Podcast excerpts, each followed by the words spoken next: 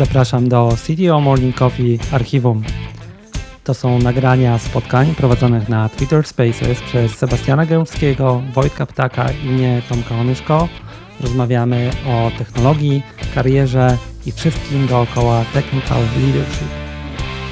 Jeżeli słuchasz nas jako podcast, zasubskrybuj nas na swojej ulubionej platformie, a jeżeli jesteś na Apple Podcast albo Spotify, pamiętaj, aby wyrazić swoją opinię i przekazać nam komentarz.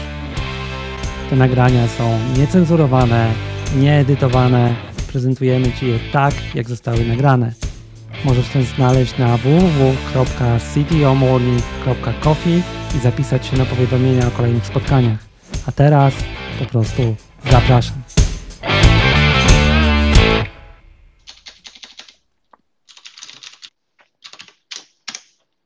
Dzień dobry wszystkim. Cześć wszystkim, dzień dobry. Jeszcze chwileczkę, już technikalia ogarniamy. Jest i Sebastian. Bosko i jedziemy. Dobrze, Wojtek, Sebastian, zaczynamy.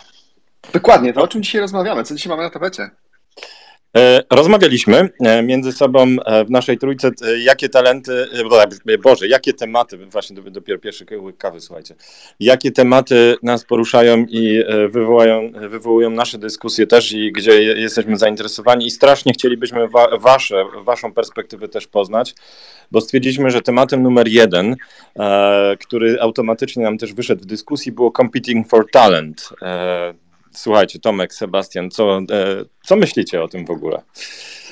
Właśnie, to może tak jeszcze wbiję, bo żebyśmy też nie pojechali za szeroko, bo jak zaczniemy e, opowiadać wszystko, co się wiąże z ogólnie z rekrutacją, pozyskaniem ludzi i tak dalej, to możemy tak rozmawiać przez jakieś 6 godzin i jeszcze pewnie nie wyczerpiemy tematu. To e, propozycja jest taka, żebyśmy dzisiaj skupili się mniej na procesach rekrutacyjnych, czyli na przykład jak rozpoznać super talent, jak utrzymać ten super talent, który już mamy w organizacji, a bardziej właśnie na tym, jak wygląda rynek, jak ten rynek się zmienia i w związku mhm. z tym, no jak my się musimy poruszać na tym rynku, żeby mieć szansę w ogóle pozyskać taki talent. Więc taka jest propozycja, żeby, żeby wyodrębnić tę część tego tematu i żeby o tym, o tym, o tym trochę porozmawiać. Dokładnie tak. Jeszcze pomyśleliśmy o jednej rzeczy. E, tak się fajnie złożyło, że reprezentujemy trzy y, różne doświadczenia.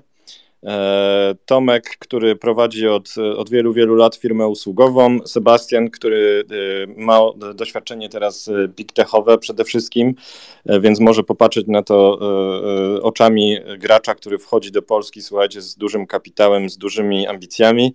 Ja z budowania firmy produktowej, później faktycznie firm produktowych tutaj raczej naszych rodzimych. Więc mamy trzy różne fajne perspektywy. Ja bym zaczął na początku tak, słuchajcie, jak to wyglądało, dajmy sobie perspektywę 3 do 5 lat, e, cofnijmy się wstecz, jak to wyglądało z waszej perspektywy, także dołączajcie się do dyskusji, a zacznę może Sebastian, e, jak to wyglądało z twojej perspektywy 3 do 5 lat temu? Wiesz co, moim zdaniem każdy rynek pracy, już IT czy nie IT, to już abstrahując, on musi dojrzeć, musi przejść przez pewne fazy. Zwłaszcza w takich krajach, które są krajami rozwijającymi się, gdzie była ta duża rozbieżność, jeżeli chodzi o, o ogólnie koszt pracy. W związku z tym y, musi przejść przez pewne fazy. No i na początku ta wczesna fazy to zazwyczaj jest taki raj. Jest raj offshoringowy, raj nearshoringowy, to jest taki totalny outsourcing, zwłaszcza w krajach takich jak nasz, gdzie tak ten poziom wyższej edukacji był całkiem spoko, gdzie ten kapitał ludzki, w sensie ilości kandydatów, ilość potencjalnie ludzi zainteresowanych w ogóle wejściem w inżynierię też jest całkiem spoko. Więc na samym początku to było bardziej na tej zasadzie, że u nas ten koszt pracy był tani, więc wchodziły firmy, ale traktowały nas właśnie trochę na zasadzie takiej, powiedziałbym, służebnej. Czy otwierały sobie jakieś oddziały, które nie były niczym innym, tylko czymś ala delivery center. No i my byliśmy szczęśliwi, bo co? W sumie dawali nam kasę, oczywiście wyższą niż w jakichś innych zawodach. E, natomiast no, Polak to jest przedsiębiorcza istota. A w związku z tym po paru latach to się e, zaczęło powoli kończyć, dlatego że ludzie odkryli, że mogą trochę bardziej popracować na własny rachunek. Czyli, że jak jest takie wielkie zapotrzebowanie na to, żeby na przykład pisać jakiś kod dla zainteresowanych klientów, to czemu nie otworzyć swoich własnych firm? No i od takiego, takiej fazy nearshore'u przeszliśmy dosyć płynnie do fazy, powiedziałbym, nie wiem, fazy software house'ów, Może w ten sposób. W międzyczasie znowu ten rynek się totalnie zmieniał, dlatego że e, coraz więcej dużych firm, które niekoniecznie były związane z IT, nagle zrozumiały, że IT to jest również ich korowy biznes, więc same muszą też dosyć mocno zatrudniać. Więc znowu to też wpłynęło na rynek, bo one e, na samym początku nie miały oporów z tym, żeby korzystać e, bardzo mocno z konsultantów, z konsultantów zewnętrznych, z dużych brandów, ale to też się zmieniało, bo z czasem okazało się, że no, po pierwsze to jest dosyć drogie. Po drugie, nie zawsze daje te wyniki. A po trzecie, ta najważniejsza rzecz, czyli wiedza, know-how, tak naprawdę wylatuje znowu w kosmos. Więc potem zaczęli dominować nasi lokalni gracze. To znowu była jakaś taka kolejna, kolejna faza, kolejny etap. Uważam, że teraz jesteśmy na bardzo ciekawym etapie. Już długo mówię, ale już, już, już, już zmierzam ku końcowi. Jesteśmy na ciekawym etapie, mm, dlatego że mocno zaczynają wchodzić do nas hyperscalerzy. Duże firmy, które e, odniosły globalny sukces, i niekoniecznie mówię tylko o największych graczach, o tych inwestycjach na przykład Google'a, czy tam o wejściu Amazona, ale mówię też o firmach na przykład typu Twilio, a, które wchodzą do Polski i otwierają u nas poważne, już nie nazwą tego delivery center, bo to są firmy, które bardzo często działają bardzo mocno globalnie. To już nie jest jakiś, nie wiem, Google Polska na przykład, czy Twilio Polska, tylko to jest coś, co działa w ramach globalnych struktur firmy i faktycznie jest traktowane jako taki, taka jednostka pierwszej kategorii, powiedziałbym. E, Nawet niektóre wchodzą jako, przede wszystkim jako R&D, bo niektóre firmy e, e, wchodzą tak naprawdę otwierając centra R&D, licząc na naprawdę naj, naj, najlepszy, najlepszy talent z naszych firm tak naprawdę. I to zaczyna być mega, mega, mega ciekawe. To się, to się wiąże jeszcze z paroma innymi obserwacjami, zjawiskami. O tym sobie pewnie powiemy za chwilę, bo nie chciałbym tak mówić przez całą godzinę. Mm -hmm. Natomiast e, wydaje mi się, że to jest taki ciekawy moment, bo, bo tutaj można się spodziewać znowu paru ciekawych ruchów e, i e, też będą efekt, pewne efekty uboczne, bo to, że ludzie idą teraz pracować do tych hyperscalerów, to nie znaczy, że oni tam zawsze będą pracować. Moim zdaniem 2-3 lata i e, wzrośnie, powiedziałbym, pewnego rodzaju opinia ludzi o sobie, stwierdzą, że kurczę, to skoro można, ten hyperscaler robi takie fajne rzeczy, ja już się tego know-how nauczyłem, nauczyłam, to czemu teraz nie, nie, jednak nie obudzić w sobie tej nutki przedsiębiorczości i nie robić czegoś zupełnie na własny rachunek, na przykład odpalając jakiś startup? Tak. To ja, ja może się wtrącę chwilę, e, trochę dokładając do tego, co mówisz, ale inna perspektywa, bo e, ja pamiętam, to będzie historia z dawna, nie wiem, 17 lat temu. E, teraz będzie opowieść z typu, jak tam Zanussi z polityki. Jak siedziałem nad basenem w Las Vegas, to rozmawiałem z jednym z człowiekiem z, ze Stanów i o jego rozwiązaniu. I ja przeliczyłem sobie koszty i powiedziałem, kurde, drogo, nie? I on wtedy tak pokiwał głową i powiedział, bo u was praca jest tania, tak? Poczekamy 10 lat, przyjdziemy do Was i tak dalej. To to się zmieniło na pewno. Jedna rzecz, która się wydarzyła w międzyczasie, według mnie też to jest to, co powiedziałeś, tylko mówię trochę moja perspektywa taka usługowa. My się przekonaliśmy, że my możemy robić rzeczy za granicą. Nie? Czyli generalnie mm, e, oprócz tego, bo Polska jest takim ciekawym krajem, e, z mojego punktu widzenia akurat, że zauważcie, że my jesteśmy stosunkowo dużym krajem i w porównaniu do niektórych krajów, które nas otaczają, te kraje, na przykład Czechy, nie? albo tam takie mniejsze w dół, to one miały problem z wyhodowaniem firm, które by żyły na polskim rynku. Nie? A Polska jest na tyle duża, że potrafiła zbudować sobie firmy, które żyły na polskim rynku. A, I e, dopiero od niedawna te firmy zaczęły się dusić, nie? czyli generalnie okazało się, że na przykład polski rynek jest za mały dla nich i wyszły na zewnątrz. E, ale na początku nie było takiej, e, nie, te, nie było takiego ciśnienia, żeby to robić, no bo dało się to po prostu tutaj pracować i tak dalej, nie? A teraz jaka jest e, rzecz tego, jeżeli żyjesz na polskim rynku tylko i wyłącznie, to trudno ci będzie właśnie zacząć walczyć z tym, jeżeli przyjdą do ciebie ludzie z zagranicy, nie? I też ludzie, którzy u ciebie pracują, mają taką perspektywę, że widzą, że gdzie indziej robi się większe rzeczy, albo ciekawsze, albo szybciej, nie? E, I to też w ostatnich kilku latach się zmieniło, bo jest strasznie dużo firm po prostu, które robią, na przykład w Polsce w ogóle o nich nie słychać, nie? a robią po prostu globalne rzeczy i um, nie mamy się czym wstydzić tutaj, nie? Ja się chętnie spytam, czy, czy, ktoś chciałby się dołączyć do naszej dyskusji i dać swoją perspektywę, jak e, z jego doświadczenia wyglądało to kilka lat temu? Zapraszamy. E, ja mogę powiedzieć, e, ja mogę powiedzieć tak, że do, do, tego, co mówiłeś, Sebastian, jeszcze też się odniosę i Tomek jak najbardziej, że z, w ogóle z mojego doświadczenia jest ogromna różnica, jeżeli ktoś pracował faktycznie z dużymi firmami za granicą, jeżeli już mówimy o talentach i o osobach, osobowościach nawet wykształconych, powiedzmy, jeżeli chodzi o e, podejście, kulturę pracy, myślenie, sposób myślenia, wiecie, sposób, nie wiem, wszystkiego do, od planowania przez rozwiązywanie konfliktów codziennych, przez podejście do, do, do pracy faktycznie, jeżeli ktoś e, miał kontakt z, z, ciekawymi firmami, e, a jeżeli ta firma była całkowicie od samego początku nasza rodzima i zawsze po, wiecie, po staremu się robiło rzeczy, czuję taki kontrakt, e, kontrast. To jest moja osobiście e, e, perspektywa, natomiast dotychczas w wielu firmach tego doświadczyłem, więc muszę Wam powiedzieć, że to, to jest coś, więc zawsze, zawsze to było ciekawe. Natomiast jeżeli mówimy o tym competing for talent, no to pewnie za chwileczkę do tego przejdziemy. Natomiast mam wrażenie, że wydarzyła się bardzo ciekawa rzecz przez ostatnie lata. E, jak wiecie, w naszym zawodzie, jeżeli damy perspektywę pięciu lat, to e, pięć lat temu w naszym zawodzie byli przede wszystkim inżynierowie. Nie było czegoś takiego jak reskilling do IT jeszcze, wiecie, tak dajmy pięć lat, bo trzy lata temu on już się może e, rozpoczął. I pewnie do tego przejdziemy właśnie, co teraz, bo tutaj chcemy gdzieś, rozmawialiśmy z Tomkiem i Sebastianem, że chcemy rozmawiać do teraz, temat, wiecie, jak będzie Competing for Talent e, w 2022 i dalej, to jest, e, to jest całkiem osobny, ogromny worek. Natomiast mogę powiedzieć, że e, teraz troszeczkę to się zmieniło, bo faktycznie ten ilość osób, która mm, nie ma wykształcenia technicznego, czy nawet nie, wiecie, to mm, też rozmawialiśmy z Tomkiem i Sebastianem, że właśnie e, bardzo często my przychodziliśmy z podwórka, to my byliśmy tymi e, chłopakami, które, wiecie, zakładały sieci komputerowe na osiedlach, kopiowały e, nielegalne gry, instalowały wszystkim babciom i mamom dookoła Windowsa i za czasów, a później nam po prostu płacono za to, co robiliśmy i tak z chęcią i z uśmiechem.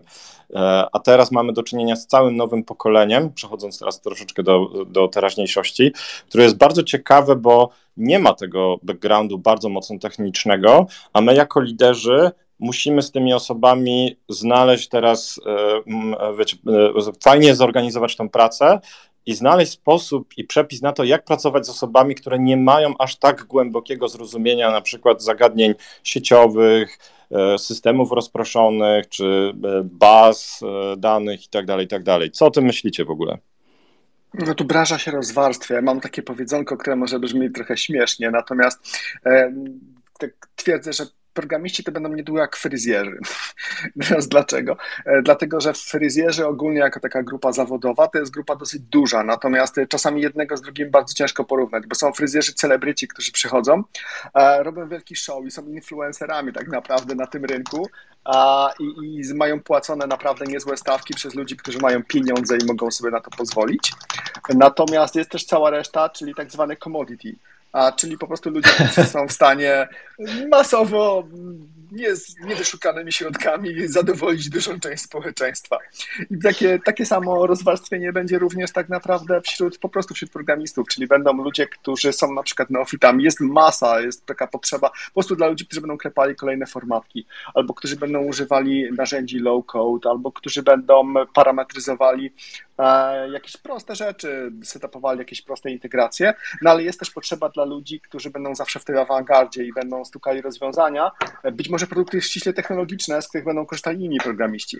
Więc jest to zapotrzebowanie, cała dyskusja na temat diversity ogólnie w naszej branży, to jest po części wywołana właśnie mm -hmm. tym, żeby mhm. zachęcić ludzi, którzy mieli pewne opory, e, którzy niekoniecznie czuli się dobrze, niekoniecznie czuli się zachęcani do tego, żeby w tą branżę chodzić.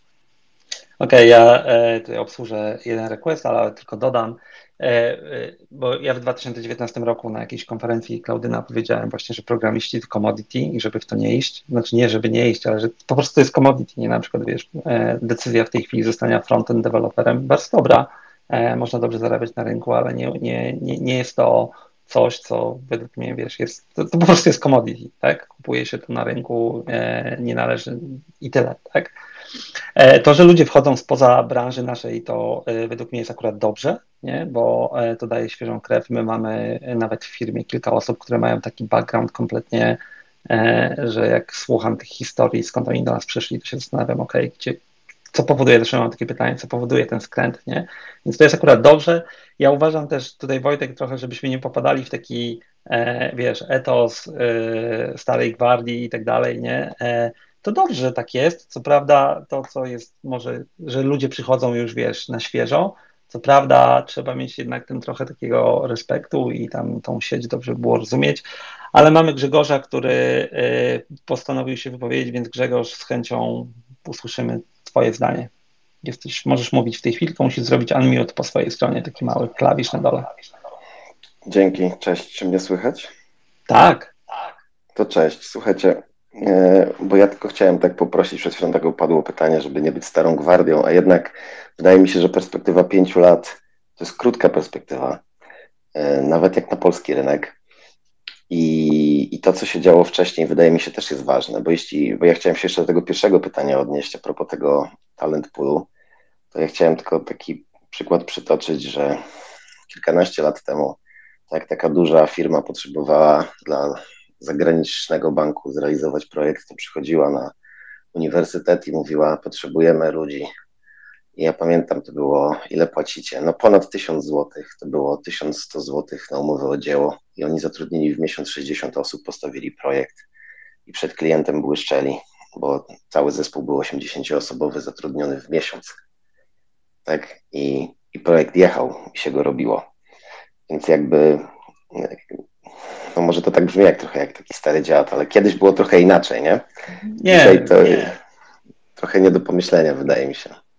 Ale wiesz, czy jesteśmy do końca z tego dumni, z tego typu projektów. Jak ja też uczestniczyłem w tego typu projektach i mam pewnego rodzaju traumatyczne wspomnienia i też nie wiem, czy bym do tych czasów chciał wracać. Ab, absolutnie. Natomiast jeśli chodzi właśnie o to, z czym się dzisiaj borykamy, no to właśnie ta świadomość, tak? I jakby i możliwość, i dostęp do tych wszystkich firm, które tutaj przyszły oraz tych, które powstały tak? bo tu cała masa firm powstała, e, dając tam całą masę możliwości. E, I ja właśnie uważam, że to jest super, tak? Natomiast dobrze jest e, też zdać sobie sprawę z tego, właśnie, że jest super i że kiedyś było trochę mniej super. I wydaje mi się, że pamiętanie o tym też, jakby jeśli mówimy już, jeśli to jest TO, morning, coffee i tak dalej, to trzeba pamiętać, że spora część tych ludzi, którzy dzisiaj podejmują decyzje, którzy e, w pewien sposób oceniają ten nowy talent, to są ludzie, którzy sami byli oceniani trochę inaczej e, i, i żyli też trochę w, innym, e, w innych realiach. Tak, ja nie twierdzę, że oni zawsze mają rację, natomiast wydaje mi się, że kontekst też jest ważny. Kontekst zawsze jasne, jest ważny. Mhm. Ja to powiem, bo e, Grzegorz, bo to jest trochę, e, to co powiedziałeś, to jest to trochę, co e, Sebastian na początku powiedział, ja może w trochę innym kontekście, bo zauważ, że to, co powiedziałeś, wynikało z tego właśnie, że nasz rynek działał we własnym sosie, nie? Czyli generalnie mieliśmy Polskę, Polska miała jakieś firmy, ludzie, którzy szukali pracy tak naprawdę globalnie, znaczy w kraju szukali jej w polskich firmach, nie? Nie było firm zachodnich, ich było mało, ja pracowałem w Microsoftie, wiesz, nas było 60 konsultantów, i, i głównie pracowałem za granicą, tak, bo w Polsce po prostu taki konsultant był trudny do wyżywienia. A potem to, co się stało, nie? I to, co teraz mamy, trochę przyspieszając może, no to mamy, jest taki dobry artykuł, który pewnie znowu e, zapomnę podlinkować, ale chłopaki mnie tam kopną w kostkę, który opisuje i to, co się dzieje u nas w tej chwili. My mamy w tej chwili, wiesz, lokalne firmy, które dalej działają tak, jak mówisz, nie? To, co opisałeś ze studentami, to się dalej odbywa. To jest e, w tej chwili po prostu też praktyka E, mamy firmy polskie, które nam urosły i nie mówię nawet o tych dużych firmach, ale też cała masa startupów, software house'ów, e, o firm takich jak moja, usługowe, firm, które produkują software, takie ja tu zawsze podaję kolegów z Code2, fantastyczna firma, rewelacyjny sukces na całym świecie. I oprócz tego doszli nam gracze globalni, którzy weszli już jakąś chwilę temu, tylko oni weszli jakąś chwilę temu, zauważcie, mamy IBM, Atosa, HP, które poszły w masę outsourcingu, Credit Suisse. E, te nazwy nie są sponsorowane, by the way, żeby było jasne. I teraz to, co się wydarzyło w ostatnich dwóch latach, czy ostatnim okresie, może nawet więcej, to doszli nam jeszcze gracze, którzy już są z zagranicy, tak? Którzy konkurują z nami, czyli lokalnymi software house'ami, firmami usługowymi i tak o ludzi, oferując im tak naprawdę swoje swoją pracę. Mamy Google'a, Facebooka, Amazon, Sebastian tam w tej chwili jest, Microsoft, który pewnie niedługo się rozwinie, czyli mamy w tej chwili tak jakby trzy różne prędkości na, na naszym rynku pracy i ludzie według mnie e, przechodzą do tych różnych fal. Tak? Mamy tutaj, e, widziałem gdzieś e, Kubę Gutkowskiego, może się dołączy, który wiesz, pracował na polskim rynku, w tej chwili pracuje dla startupu za granicą. Mamy Kubę Kałużnego, który właśnie e, przeskoczył do Snowflake'a jak płatek śniegu, nie? I nagle mamy, my jako firmy polskie na tym rynku już nie jesteśmy sami, tak? Już nie jesteśmy tymi, którzy przyciągają zawsze ludzi, bo nie mają alternatywy, tylko ta alternatywa się pojawiła i, ta, i ona jest globalna. I nagle my, jako CTO w firmie, ja wiesz, ja jako CTO w firmie usługowej konkuruję o pracownika z firmą, która ma kilka tysięcy ludzi i headquarter, nie wiem, w Londynie. Jasne, i właśnie do tego chciałem wrócić, czyli do naszego głównego tematu, e, bo tak było w przeszłości, słuchajcie. A jak teraz z Waszej perspektywy e, wygląda walka o, o ten talent? Sebastian, jak wchodzi taki Amazon, to jak, e, jak opowiedz nam, jak w ogóle, jak Ty myślisz o tym, jak znaleźć talent potrzebny do Waszych potrzeb na przykład? No, to jest temat rzeka. Znaczy, generalnie każdemu jest trudno, bo to się tak wydaje, że przychodzi firma, która ma duży brand i że w tym momencie wszyscy tam się garną i to tak naprawdę się dzieje. Okej, okay, dużo osób się rzeczywiście garnie, natomiast standardy wszędzie są te same. I teraz e, my patrząc, e, próbując kogoś rekrutować, patrzymy na seniority, ale patrzymy na to seniority inaczej niż Polska przyzwyczaiła polskich programistów patrzeć na seniority. Już tłumaczę, o co mi chodzi. Chodzi mi o to, że w Polsce od iluś tam lat bardzo wygodnie się żyje jako programista, właśnie w takiej, pracując na przykład gdzieś tam w jakimś outsourcingu, dlatego że zawsze jest zapotrzebowanie na Twoje usługi, zawsze bardzo fajnie Ci płacą i tak naprawdę nawet jak Ci się znudzi jakiś projekt, to możesz go bardzo łatwo zmienić i nie ma w tym jakichś wielkich perturbacji dla Ciebie osobiście.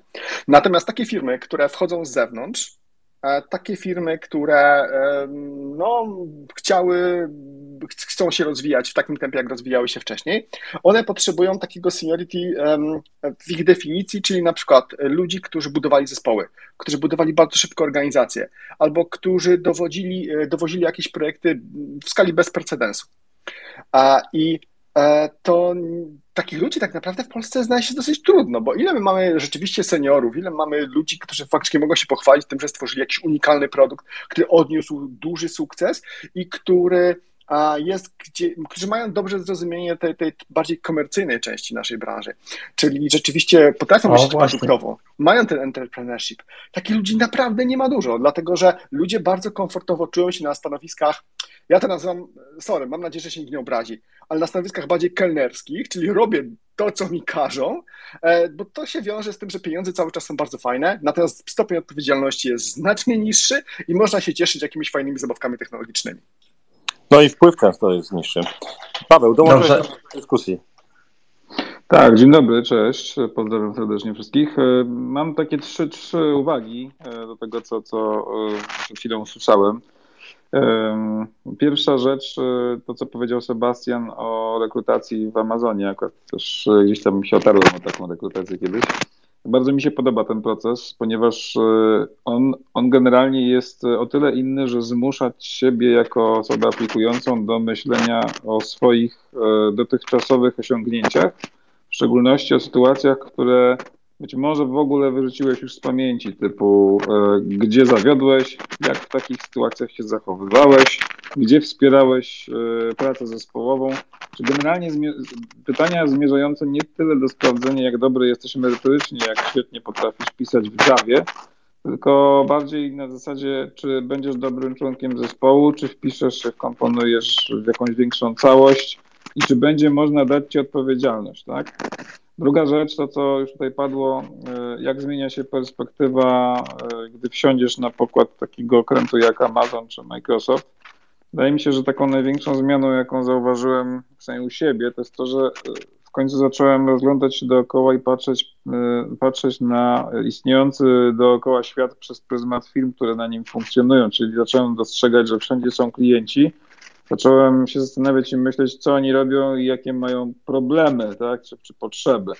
E, jak pracujesz jako deweloper, to często takiego światopoglądu sobie nie budujesz I to też jest, myślę, to tak, tak, tak, tak padło takie słowo commodity, tak? Czy bierzesz robotę, robisz to, co ci każą. Czasami mam wrażenie, że ludzie nawet do końca nie do, nie do końca sobie zdają sprawę z tego, jaka jest ich rola i co, i co, co tak naprawdę powoduje, że oni napiszą ten kawałek kodu. I to uważam za absolutne zło. To znaczy, jeżeli chcesz zrobić coś więcej, to nie możesz się zamykać y, tylko do napisania tam kawał, kawałków klas i wzorców projektowych, bo finalnie po prostu skończysz jako wieczny deweloper i, tak jak kiedyś byli ludzie, którzy nie wiem, 40 lat temu zaczynali sobie pisać w jakichś kobolach czy, czy innych językach w command line i, i na koniec idąc na emeryturę robili to samo. Można. Pytanie, czy to jest właściwa droga? Pewnie każdy ma swoją. Dzięki. Dobrze, to ja jeszcze jeden komentarz tylko, e, zanim oddam e, głos jednemu z naszych speakerów nowych. Bo e, Sebastian to trochę poruszył, a ja ostatnio z innym CTO rozmawiałem i pojawiło się to, że ok, tu mamy talent techniczny w Polsce, ale nie mamy talentu dookoła product development, e, dookoła właśnie business e, understanding, taki co więcej robimy jako firma, to nie jest czysto techniczny skill. Ty Paweł trochę o tym powiedziałeś. I tu trochę tak rzucę pytanie, może ktoś powie jak na to patrzy, bo na przykład ja dla siebie widzę propozycje, takie value proposition dla potencjalnych ludzi, że to my ci pokażemy, jak zbudować to, rozwiniemy się trochę bardziej, tak, nie tylko technicznie, i to też może być sposób, w jaki możemy konkurować z tym, że ktoś oferuje bardzo dobre pieniądze, na przykład jako deweloper, czy jako. E, A powiedz coś więcej, jest, to jest ciekawe. No bo y, generalnie wiesz, no jest, jest ścieżka rozwoju techniczna, możemy komuś zaoferować fajne projekty i tak dalej, nie? Teraz y, ja miałem taką sytuację, y, że wiesz, że kilka lat temu moja firma mogła wygrywać na rynku tym i szczerze robiliśmy to oferując po prostu to, że robimy projekty za granicą. Teraz wszyscy robią projekty za granicą, tak? E, więc w tej chwili my patrzymy, ok, to nasze value proposition musi się zmienić, jak on się zmienia, oferujemy Ci możliwość rozwoju w innych kierunkach, tak? Może niekoniecznie technicznych, e, może to będzie kawałek biznesu, może będziesz pracował e, razem z klientem, i rozwijał inny skill. Dobrze, ale to może o tym za chwilę, e, bo jeden z potencjalnych naszych speakerów mi uciekł. Jeżeli możesz jeszcze raz e, Horil, o ile pamiętam, zarequestować, to z chęcią Ci dodam. Pytanie, czy Wy też tak to widzicie, nie? Czyli, bo jeden, oczywiście wiecie, są są sposoby oczywiste walki o ludzi, czy nawet nie walki, ale rozmowy z nimi. Możemy oferować e, zarobki, zawsze jest ktoś, kto płaci więcej. Tak? Ja tutaj będę Możemy... głosem w dyskusji naszej, naszej trójki, który zawsze powie, że e, e, technologia technologią, a jeszcze jest czynnik ludzki i tak wychodzi w naszych dyskusjach. E, I słuchajcie, ja dodam i chętnie poznam wasze zdanie, e, więc dodajcie coś e, od siebie. E, te ostatnie półtora roku bardzo dużo zmieniło, e, bo osoby, mm, osoby, e, które pracują w tym zawodzie, bardzo często prawda, są introwertyczne, jednocześnie trzeba mieć bardzo wysoki growth mindset, bardzo często trzeba mieć specyficzny rodzaj myślenia. Innymi słowy, jesteśmy dosyć podatni na problemy z, z czymś, co się ładnie nazywa mental health being. E, well-being, przepraszam. Więc e, z mojej perspektywy też coś, co jest e, ciekawego, to można konkurować o talent, zapewniając odpowiednie podejście do nas jako specjalistów i dbanie też o pracowników. I chętnie wam, Was się spytam, jak to wygląda u Was w firmach? Czy na przykład E, oczywiście technologia technologią, o tym już powiedzieliśmy. E, klienci klientami, rynki rynkami, doświadczenie e, międzynarodowe, duże projekty, ciekawe projekty, ale te wszystkie rzeczy poza tym, co jeszcze u Was w firmach się pojawiało? Chętnie słuchajcie, wrzućcie, bardzo mnie to ciekawi. No właśnie, ale to... Mhm. O tym trochę mówiłem, nie, że wiesz, że y, jednym sposobem pozyskiwania tak jakby zaufania ludzi, bo na końcu ja uważam, że to jest wiesz, wejście w relację pod tytułem zaufanie, ja pracownik, ty pracodawca, nie, to jest dwustronna relacja, gdzie są te rzeczy, które wszyscy oferują, nie? I teraz jest pytanie, co ty możesz zaoferować innego, nie? Tak, i, I teraz ze względu na to, że ten rynek się przesunął, no to e, z jednej strony kiedyś mogliśmy zaoferować jakieś intangible rzeczy typu właśnie e, praca za granicą, ciekawsze projekty, nowsza technologia i tak dalej. Jak każda rzecz, co przeszło w commodity, potem mieliśmy taką fazę, że firmy e, konkurowały na przysłowiowe owocowe wtorki, tak? e, e, czyli jakieś benefity takie dookoła pracy, czerwone krzesła i tak dalej. Tak. A, a w tej chwili już mamy tak, że według mnie dla firmy takiej z Polski, która chce konkurować na tym rynku i, e, i e, w szczególności przeciwko czy z graczami globalnymi, to e, salaries, tak, płaca musi być, benefity, wszyscy prawie mają takie same i zaczyna się to tak naprawdę intouchable. Czy ja ci dam ścieżkę rozwoju, która jest dla ciebie atrakcyjna, tak? Czy ja ci dam na przykład warunki pracy, tak jak mogę powiedzieć o sobie, mamy bardzo elastyczne rzeczy, nie? Typu pracujesz od której chcesz, pracujesz ile chcesz w jakichś określonych e, rzeczach i na przykład mamy człowieka, który e, mówi, że e, on nie szuka pracy tylko dlatego, że pozwalamy mu pracować w nocy e, i, i nikt się go nigdy o to nie czepia, tak? Więc jakie są, i to jest nasza taktyka może, nie? To bardziej my chcemy wygrywać kulturą, sposobem podejścia, niż takimi czysto tangible rzeczami. Dobrze, mamy Michała, który pierwszy nas dołączył. Michał? Cześć, dzień dobry, słychać mnie? Tak. Cześć Michale, tak, dołączyłeś jako pierwszy speaker, speaker teraz to opowiedz nam swoje. Cześć, e, ja trochę tak y, słucham już drugiego tego spotkania, więc witam przede wszystkim szanowne grono, widzę, że jest tutaj bardzo duże liczba osób, które prowadziły właśnie takie projekty międzynarodowe. Ja bym to chciał powiedzieć z takiego punktu widzenia mojego operacyjnego bardziej. Jak myśmy to zaczynali lata temu na przykład dla takich grup międzynarodowych. Ja akurat zaczynałem dla grup Metro, czyli grup y, realowych, która była wtedy niemiecką firmą i pamiętam jakie nasze były koszta wtedy. Czyli tam pracował tak zwany człowiek informatyk. Człowiek informatyk, który potrafił ogarnąć wszystko, od komputera po Windowsa, po instalację wagi, pod pomóc panu wykonanie przelewów, tak?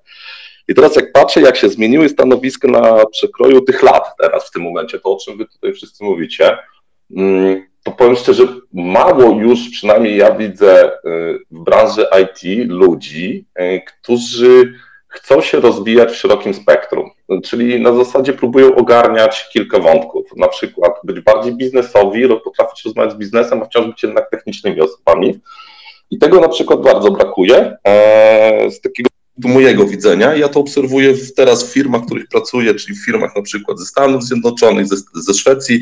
Tam są ludzie po prostu, którzy chcą zrobić swoje i o 16 wyłączyć komputer. I to niezależnie, czy to są programiści, czy to są operacyjni, czy to są DevOpsi. Ludzie po prostu lubią mieć własne życie, tak? Na przykład z mojego ostatniego projektu, kiedy klient szwedzki po prostu powiedział, że oni w tym momencie mają miesiąc urlopu i nie rozumie, dlaczego Polacy chcą się spinać, e, spinać w tym momencie, żeby dowieść jakikolwiek projekt. Przecież teraz jest okres urlopowy. Co mam, co mam z tym zrobić? Że to też się tak fajnie pozmieniało, bo kiedyś no jednak ten informatyk to był człowiek, który taki był, nie dość od wszystkiego, to był taki trochę ciśnięty, ciśnięty po wszystko, tak? Zainstaluj, zrób, naucz się, wykonaj jest taka moja perspektywa, jak to się w tym momencie teraz pozmieniało, jak to teraz, mhm. jak, to teraz jak to teraz wygląda, tak? Nie wiem, czy jest może błędna, czy jest lepsza, no ale widać ewidentnie, że my jako osoby, e, jako ludzie współpracujący w IT też ewoluowaliśmy do takiego poziomu zagranicy, w którym mówimy OK, jesteśmy, e, jesteśmy w czymś specjalistami, wyszkoliliśmy się w czymś, to płaccie mi za to, ale ja o 16 jakby wyłączam jednak ten komputer i i zajmuję się swoimi prywatnymi rzeczami, czy to projektami, czy nie wiem, czy jadę na rower, tak, cokolwiek. Że to jest tak, ja uważam, że to jest, ja uważam, że to jest akurat dobre. Już kolejkę speakerów. E, Okej, okay, ja uważam, tylko powiem, że to jest akurat dobre, e, bo to jest po prostu nasz rynek dojrzewa. Wrzucę tylko jedno, może ktoś będzie chciał się wypowiedzieć taką perspektywę, bo my mówimy tutaj o IT e, i firmach IT, a to, co ja zaobserwowałem ostatnio, to my zaczynamy konkurować z end-userami. Ludzie ode mnie z firmy odchodzą do firmy typu supermarket, tak, która nagle zaczyna robić technologię, to jak ktoś ma tu jakąś perspektywę na to, to yy, niech się odezwie. Miłosz, czekasz już w kolejce, yy, powiedz, co chcie, czym się chciałeś podzielić. O, dzięki bardzo. Myślałem, że już będzie temat, który, na który się nie wypowiem, ale ja chciałem wrócić tylko na chwilę do benefitów, jakie może firma w ogóle zaproponować, bo wiadomo, tak jak było środowe tam y, owocowe środy i burgerowe piątki, to każdy może zrobić, czy dać jakiegoś MacBooka nowego i tak dalej. Tylko wydaje mi się, że takim największym benefitem, konkurując z firmami zagranicznymi, jest to, że możemy stworzyć komplementarny zespół, taki, który gdzie deweloper będzie obok siebie miał innych specjalistów, czyli trochę nawiązując do tego, co mówił y, Michał, że tak naprawdę ta osoba nie musi robić wszystkiego. a ma po prostu specjalistów, od których będzie się też uczył, no bo jak oczywiście wiemy, każdy deweloper czy tam inny programista będzie sobie mówił zawsze, że on szuka tylko i wyłącznie rozwoju i to go interesuje jako pierwsze. No i a wiadomo, że programiści to raczej są osoby, które chłoną wiedzę z różnych y, y, działów, dlatego też w sumie nie jest niczym złym, że ktoś przychodzi i przebranżawia się, gdzie wcześniej był ja na przykład jubilerem, więc y, no to tym chciałem się w sumie, w sumie podzielić, bo konkurujemy trochę z outsourcingiem mocno, nie? E, I to teraz Mhm. outsourcing może robić każdy. Te firmy wiadomo, że płacą więcej zazwyczaj, e, jak ktoś tak pracuje w taki sposób, tylko to jest na krótką metę tak naprawdę. I później ci deweloperzy i tak będą wracać do, do firm, gdzie będą mieli zespół, czy nawet to zdalny, czy niezdalny, ale będzie się to składało z zespołu jednak. Dziękuję. Dobrze. Ciekawa rzecz, Rafał e, czeka w kolejce. Tak przy okazji dla wszystkich, którzy czekają, ja patrzę, kto po kolei e, się zgłosił i będę was trochę wywoływał. E, Rafał, co chciałeś powiedzieć? Cześć, cześć, cześć, cześć wszystkim. Ja chciałem się podzielić jedną rzeczą. E, Trochę z- zgadzam się z Michałem tutaj w kontekście e, rynku.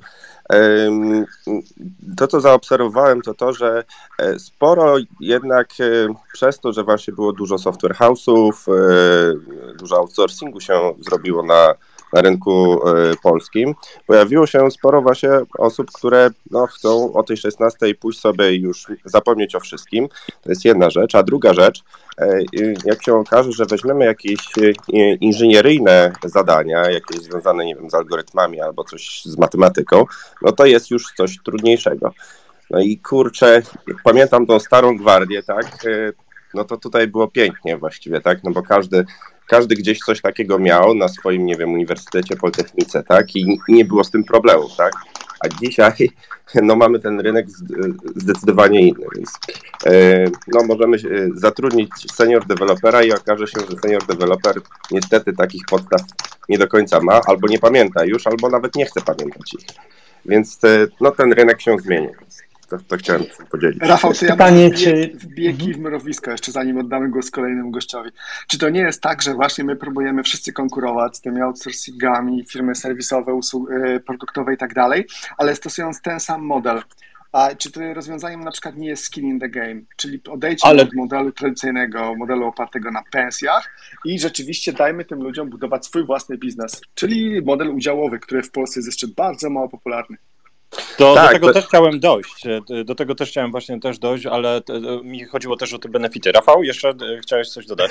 No, e, w kontekście tego modelu tak i, tak i nie. E, e, e, Jak rozmawiam z ludźmi w kontekście dokładnie tego modelu, to wtedy się pojawia kwestia odpowiedzialności, tak? I to totalnie mrozi zazwyczaj ludzi, tak? No, bo to jest I, ownership, i ryzyka. Tak?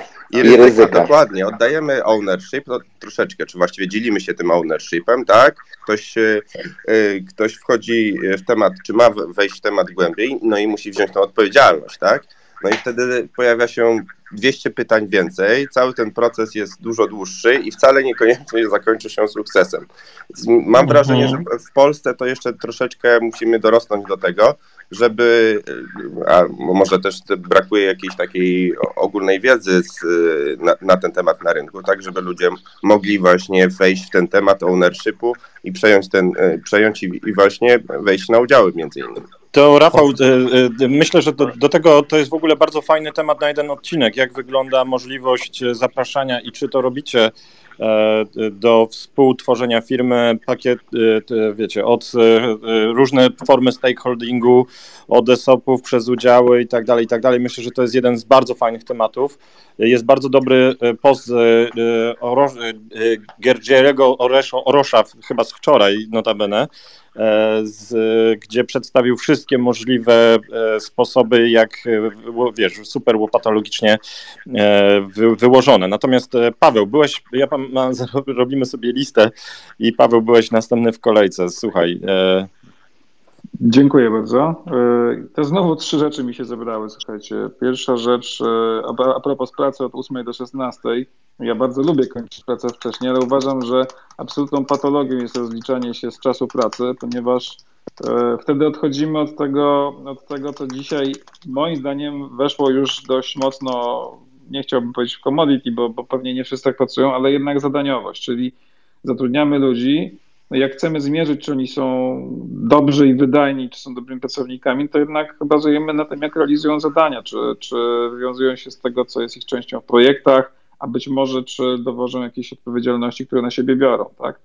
Ja jestem zwolennikiem tego, co to już tutaj padło, czyli e, jeśli jest opcja, żeby dać możliwość wejścia w udziały przy oczywiście wzięciu odpowiedzialności, to, to, to jest to ok opcja, no pod warunkiem, że człowiek wchodzący w taki układ rozumie, na co się pisze i, i wie, wie, co się z tym wiąże, tak? Czyli ten ownership i wzięcie na klatę pewnych rzeczy, które normalnie pewnie byłyby poza, mhm. poza obowiązkami.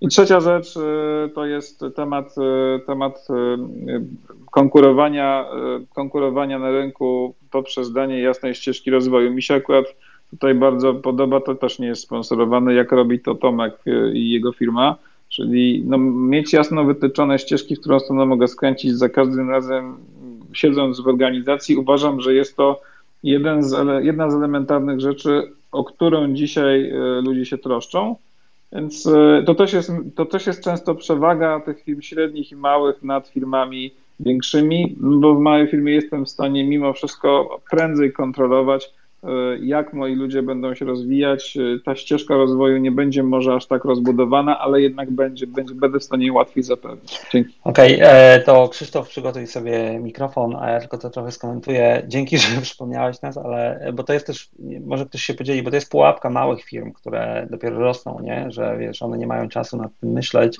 te ścieżki rozwoju są ważne, E, i e, potem za jakąś chwilę właśnie mają problem z utrzymaniem ludzi, a wytworzenie takich ścieżek rozwoju e, mocno po prostu zajmuje czas i to wymaga takiego deliberate effort, nie? że trzeba się po prostu nad tym skupić. Ale tak, ja, ja widzę, że nam to pomaga i, i tym firmom, które to robią. To jest w ogóle taki personal development plan i słuchajcie, stakeholder plan to są kolejne fajne tematy, które możemy poruszyć, bo to faktycznie są ciekawe podejścia i doświadczenia.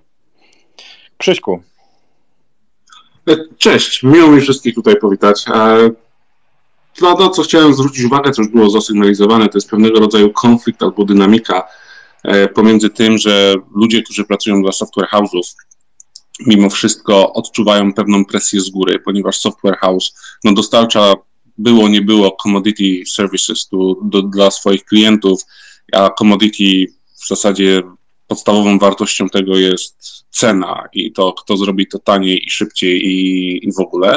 A z drugiej strony pojawiają się firmy, o których chyba Tomek wspomniał, które oczekują od programistów takiej wiedzy biznesowej i ci programiści walczą de facto już na rynku klienta czy użytkownika końcowego i e, powstaje pewnego rodzaju asymetria, ponieważ te firmy, które są wystawione na klientów, tych, którzy płacą, czy na tych końcowych klientów, one mają jakby większy, um, większy margines albo większy zysk na pojedynczego pracownika niż software house'y. I to powoduje, że programiści albo generalnie pracownicy IT, którzy są w tych firmach, mają możliwość nie tylko wzrostu w kierunku biznesowym, ponieważ oni znajdują się w sytuacji czy w miejscu firmy, gdzie ten wzrost następuje, ale mają też możliwość, jakby to powiedzieć, lepszej otrzymania lepszych benefitów, czy chociażby udziałów, dlatego że ten wzrost tworzą. A pracownicy, którzy znajdują się w software house'ach, oni są odizolowani od tej warstwy. Tak? I to powoduje pewnie, podejrzewam, komplikuje sytuację jeszcze bardziej. No to jest prawda, to jest specyfika właśnie różnicy między firmami usługowymi i produktowymi. Kilka dni temu była super fajna, e, super fajny odcinek podcastu Michała, e, nie wiem czy tu nie przekręcę nazwiska, Michała Sadowskiego z Brand24, który rozmawiał z co-founderką Proli, gdzie właśnie opowiadali na ten temat, bo oni wcześniej mieli przeszłość agencyjną, czyli przeszli właśnie z tego modelu usługowego na taki model produktowy i tam bardzo fajnie o tym opowiadali. Polecam, bardzo fajny odcinek podcastu. Okej. Okay. E, tak, to jest kwestia higher value i to jest pułapka szybkiego zysku typu revenue e, nad dostarczaniem higher value services. Nie?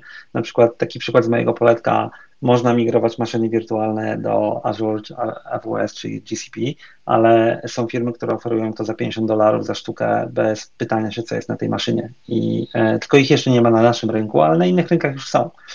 E, i wtedy e, w tej chwili to może być fajny biznes, nie? ale za rok czy dwa to będzie low value biznes na pewno.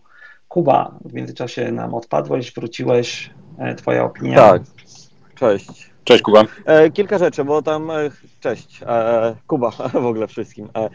E, e, I jedna rzecz, about, e, jeżeli chodzi o bonusy, to już to zostało poruszone, ale chodziło właśnie o wprowadzenie ISO i to chyba ostatnio nawet Jakub Szałaty wraz tam z jakimiś e, dwoma dziewczynami promuje tam warsztaty w sprawie ISOP-u, jak to można wprowadzić, czyli jak można dać e, coś, co może zachować pracownika jako bonus po prostu. To niekoniecznie, wiesz, to zadziała dla outsourcingowej firmy, ale może dla produktowej zadziała.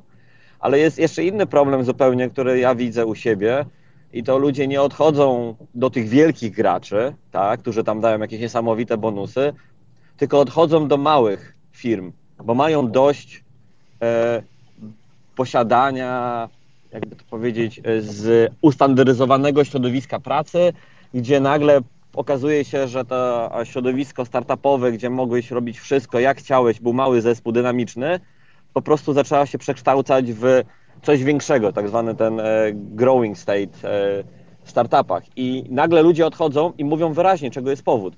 Powód jest, firma stała się zbyt duża, ja oczekuję czegoś małego, zwinnego i mnie nie interesują standardy. I teraz wiesz, e, z perspektywy utrzymania takich talentów nagle się okazuje, że to nie, że to nie jest problem tylko i wyłącznie tam outsourcingowych firm, czy firm jakichś na polskim rynku, tylko tak samo te firmy startupowe, które już zarabiają kupę kasy, mogą ci dać kupę opcji, mają też kłopot z utrzymaniem tych swoich własnych ludzi, bo oni szukają wyzwań. I są Mhm. takie Jest e, zespoły, do które tego, co Kuba mówisz, ja jeszcze poszukują, mogę powiedzieć że z pierwszej ręki od znajomych, e, nie wymieniając nazwy firmy, jedna z firm naszych rodzimych, która jest w hypergrowth międzynarodowym, e, musi teraz się, e, wiecie, żeby e, grow or die, e, zatrudnia e, na potęgę w całej Polsce. E, Wiele osób doświadczonych e, myśli o odejściu, bo kultura się e, jednocześnie zmienia. W związku z tym Tak. dokładnie to, co powiedziałeś, e, tworzyliśmy inną firmę, a jesteśmy już w całkiem innej firmie. E, Michał, jest chyba fajnie- No, przepraszam. To jest chyba fajnie opisane, wydaje mi się, że u Rida Hoffmana w tej jego wcześniejszej książce, czy w Blitzscaling, on to nazywa modelem chyba Marines, żołnierzy i żandarmów. Czyli, że na różnym etapie firmy są potrzebni ludzie z różną mentalnością, których właśnie kręcą inne rzeczy.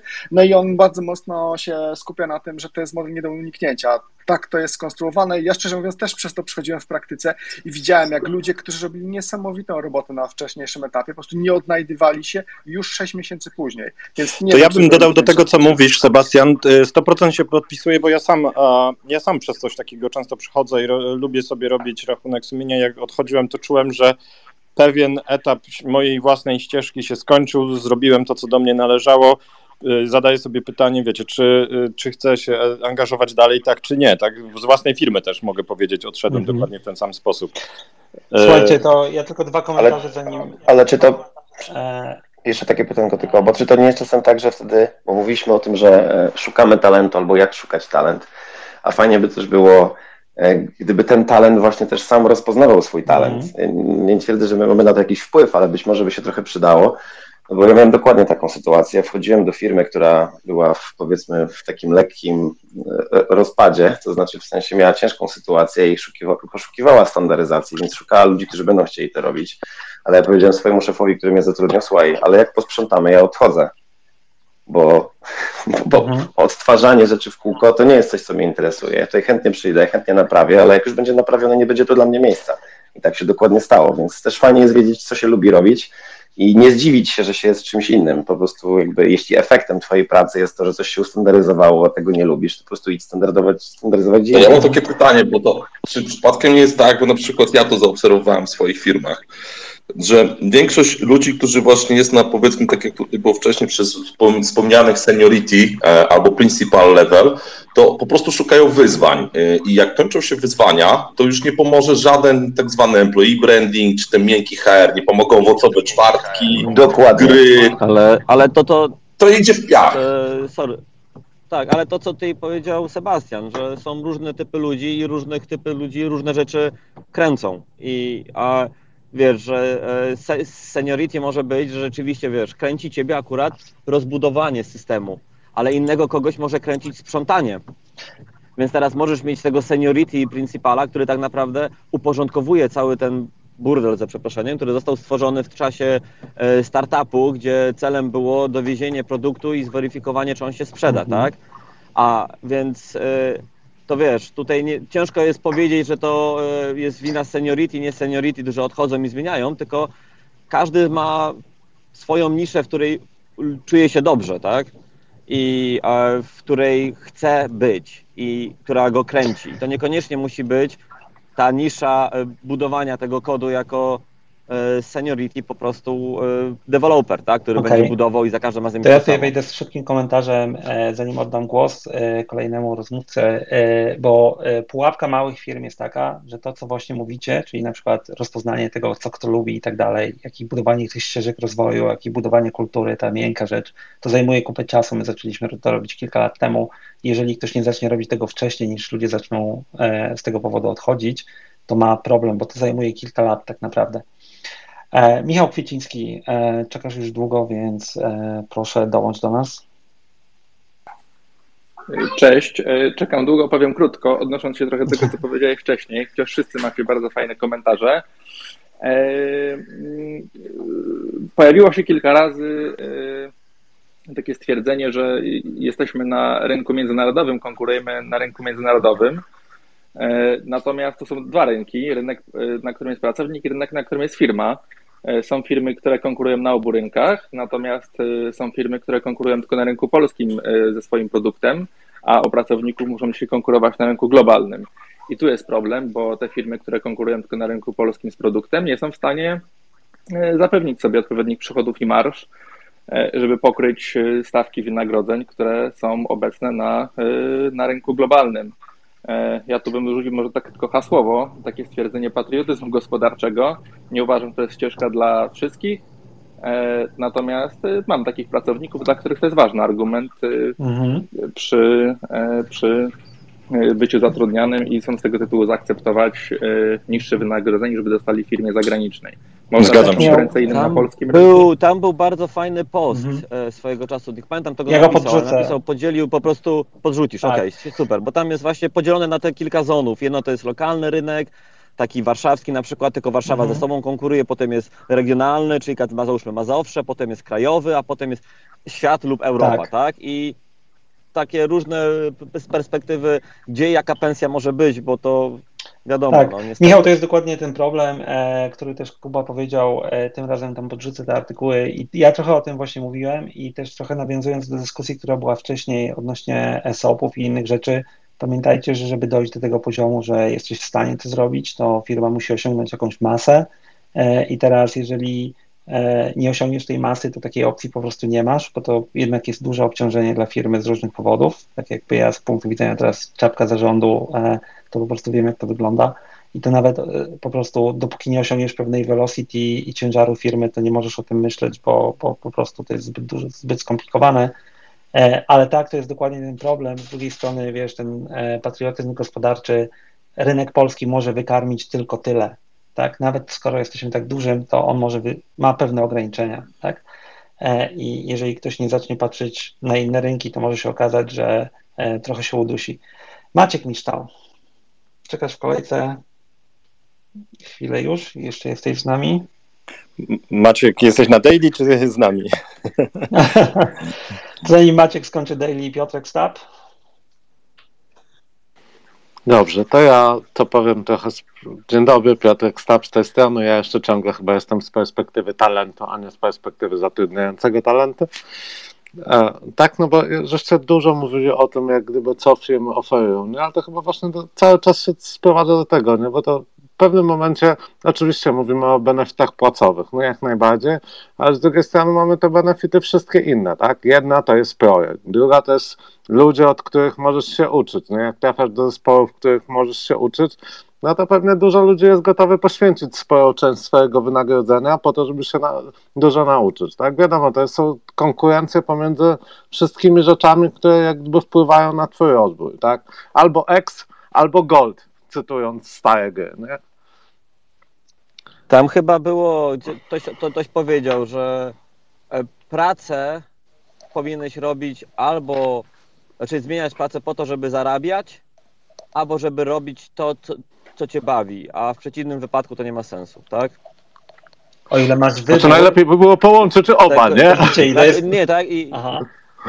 Jakoś tak to było, ja się postaram gdzieś to znaleźć i potem to splituję, ale ogólnie tam dwa warunki były, czy ten, albo robimy to dla kasy, albo robimy to dla fanu, tak? Jeżeli, jeżeli nie robimy tego z, z jednego powodu albo z drugiego, to nie ma sensu. To ja teraz tutaj trochę się Tak. wtrącę, bo teraz to, co powiedziałeś, to patrz, jak to działa. E, Bo teraz twoja perspektywa jest z perspektywy, e, akurat się znamy, więc mogę to powiedzieć, wiesz, dojrzałej osoby, która jest długo na rynku, ma doświadczenie i pozycję też, nie? Teraz e, ludzie wchodzący na rynek pracy w IT e, wchodzą, no patrzą po prostu najpierw na kasę, tak? E, No bo po prostu muszą wejść, zacząć zarabiać, ludzie po uniwersytetach i tak dalej, nie?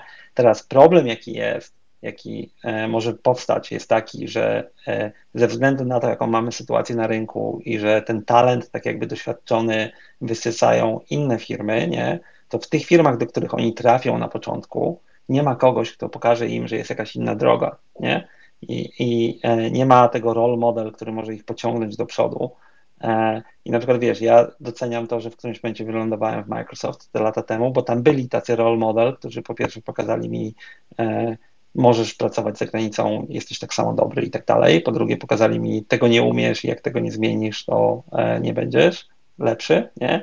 A poza tym ja widziałem globalne otoczenie i tych ludzi, którzy pociągnęli. Teraz jak nie możesz tych ludzi u siebie zatrzymać tego poziomu czy kalibru, nie? To ludzie, których zatrudniasz, nie widzą tego. I teraz, jak oni już dochodzą do wniosku, że wyrośli z tej małej firmy, ich pierwszej pracy, by the way, moja pierwsza praca była za 800 zł, pisałem HTML, e, to Przynajmniej ci płacili. Płacili mi, płacili. E, tak. By the way, moje HTML dalej wiszą i ta firma dalej ma tą stronę, którą miała w 98 roku i to jest mój absolutny hit, odkrycie zeszłego roku. E, Pochwal się. E, bardzo dobra firma, bardzo pozdrawiam chłopaków, jeżeli jakoś to do nich dotrze. Cybernet e, z Wrocławia i właśnie, i to jest też dobry przykład, po co to robisz, bo chłopaki zawsze mieli podejście, my robimy tą firmę po to, żeby żeglować, tak? To był sposób na to, żeby mogli raz w roku po, na dwa miesiące na jacht pojechać i po prostu zapomnieć o wszystkim. Nie wiem, czy dalej to robią, Piotrek i Tomek, pozdrawiam. E, ale i, i to jest to, nie? Kto tych ludzi wyciąga, żeby oni e, Ale tu, po, ale tu po, fajną rzecz to, po, poruszyłeś, że e, właśnie jest ta część jednak, bo koncentrujemy się na e, naszej branży, wydaje mi się, że bardzo istotnym elementem mimo wszystko życia, bo było to well-being, jakie dajecie benefity, a, może istotnym e, benefitem, ja mam wielu takich kolegów, e, którzy lata temu, że tak powiem, podjęli pewną decyzję i konsekwentnie się jej trzymają, to znaczy pracuję, żeby żyć, a nie żyję pracą. Tak? I to też nie jest zła droga. I teraz jakby możemy mówić o tym, że robię coś, co lubię. Oczywiście, że tak, ale jednak mimo wszystko wydaje mi się, sądząc po statystykach, nie wiem, wczoraj gdzieś tam na jakimś British IT, e, British Polish IT Forum pokazywali statystyki, chyba firma Highstones tu wystąpiła bez znaczenia. E, 75% ważności podjęcia decyzji, jeśli chodzi o zmianę pracy, to jest pensja. I wszystko inne to było po kilkanaście, może dwadzieścia. Ale to ciągle jest ta pensja. To ciągle y, możesz robić coś super, ale jeśli dzisiaj dostęp, to nawet nie jest kwestia szukania tego, ile można zarobić. LinkedIn, nie wiem, Facebook atakuje cię informacją o tym, ile ci zapłacą, jak do nich przyjdziesz robić reakta. Tak? Więc na dłuższą metę, no trochę ciężko jest tak naprawdę patrzeć i mówić sobie, o, super rzeczy robię, no ale mogę zarobić dwa razy więcej i te- nie podnieść tej decyzji. Nie? Słuchajcie, ostatnie głosy. Paweł, jeszcze ty chciałeś e, coś dodać? Wiecie co, ja mam taki komentarz e, odnośnie właśnie tej kasy. Wydaje mi się, że na kasę, e, to, to, to, to że ktoś tam zeznaje w ankietach, że kasa była tym powodem, okej, to pewnie prawda, tylko mam takie wrażenie, że na temat pieniędzy zjeżdżamy w momencie, kiedy wszystko inne zawodzi i po prostu czujemy się źle w organizacji. Wtedy dyskusja toczy się wyłącznie o worku pieniędzy, nie? Natomiast e, zaczyna się od innych, od innych aspektów, między innymi właśnie tych, tych rzeczy, które dzisiaj sobie powiedzieliśmy, rozwój, i tak dalej, nie? Ale, ale kasa nie zawsze jest tym pierwszym elementem, o którym się dyskutuje. Bym powiedział, że ona po prostu na nią schodzi dyskusja w momencie, kiedy już nie ma innych argumentów. Dzięki. Dobrze. Daily powoli się kończą, e, będziemy zawijać. Sebastian Wojtek. e, No, nie chcę, nie chcę brzmieć jak głos? jakiś, Nie chcę, będzie jakiś nawiedzony kaz, kaz, kaznodzieja, natomiast wydaje mi się, że właśnie z tymi pieniędzmi to jest trochę tak, jak powiedział Paweł, że to nie jest e, zawsze kluczowy element. Poza tym to jest tak, że ja nie znam takiego super przełomowego produktu, ani super e, firmy, która odniosła niesamowity, spektakularny sukces, która jechała w, tak naprawdę w 100% na najemnikach. To jednak muszą być trochę misjonarze. Misjonarze to nie mam na myśli tych, którzy pracują za darmo, mam na myśli tych, których kręci coś innego. Mają ten intrinsic motivation, mają właśnie ten growth mindset i po prostu chcą gdzieś odcisnąć swój imprint, chcą zbudować coś fajnego, chcą zbudować produkt, który ich kręci, chcą zbudować zespół, z którym czują się fantastycznie, który czują jako przedłużenie swojej własnej ręki. Chcą być mentorem dla kogoś, chcą być pewnego rodzaju wzorem, kimś, z kimś przyjemnie jest pracować. Takich ludzi trochę w Polsce mamy, mamy ich bardzo mało, natomiast e, to trochę, to co powiedzieliście, ja się zgadzam z tym, że te pieniądze są ważne i że w wielu przypadkach są ważne, ale one wynikają trochę z tego, co powiedziałem wcześniej, że ten zawód to jest już coraz bardziej zawód fryzjerski i zawsze będzie te 90% których po prostu kręci ta kasa.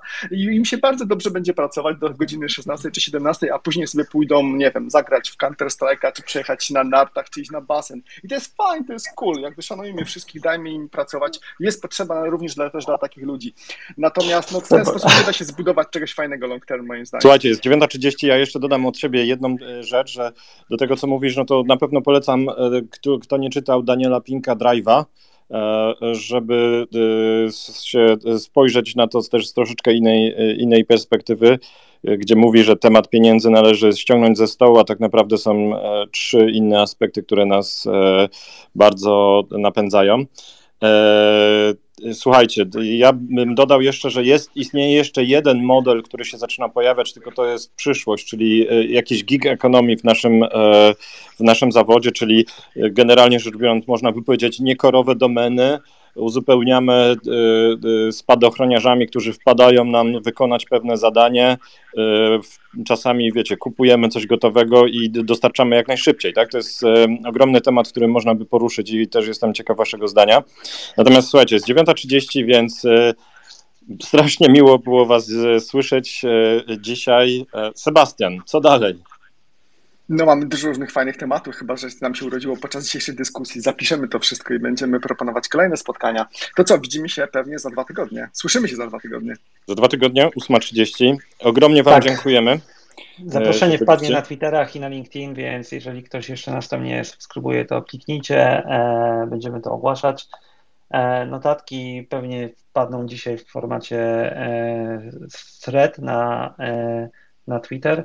E, ten ostatni punkt, Wojtek, który dołożyłeś, ja tylko jeszcze dosłownie minutę, to był mój pomysł, jak odchodziłem z Microsoft 13-12 lat temu, bo ja widziałem ten trend za granicą i się okazało, że 12 lat temu w Polsce to kompletnie nie działało. Mamy Kubę na kolu, e, na teraz tutaj, który niedawno napisał, że jego firma ma 10 lat i na ile ja go znam, to bo on właśnie działa w tym takim trochę trybie gig ekonomii.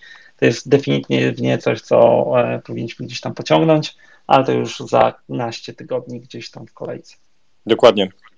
Dzięki wszystkim. Dzięki, Dzięki wszystkim. Miłego piątku i miłego weekendu wszystkim. Trzymajcie się zdrowo. Trzymajcie się, cześć. Cześć, cześć. cześć.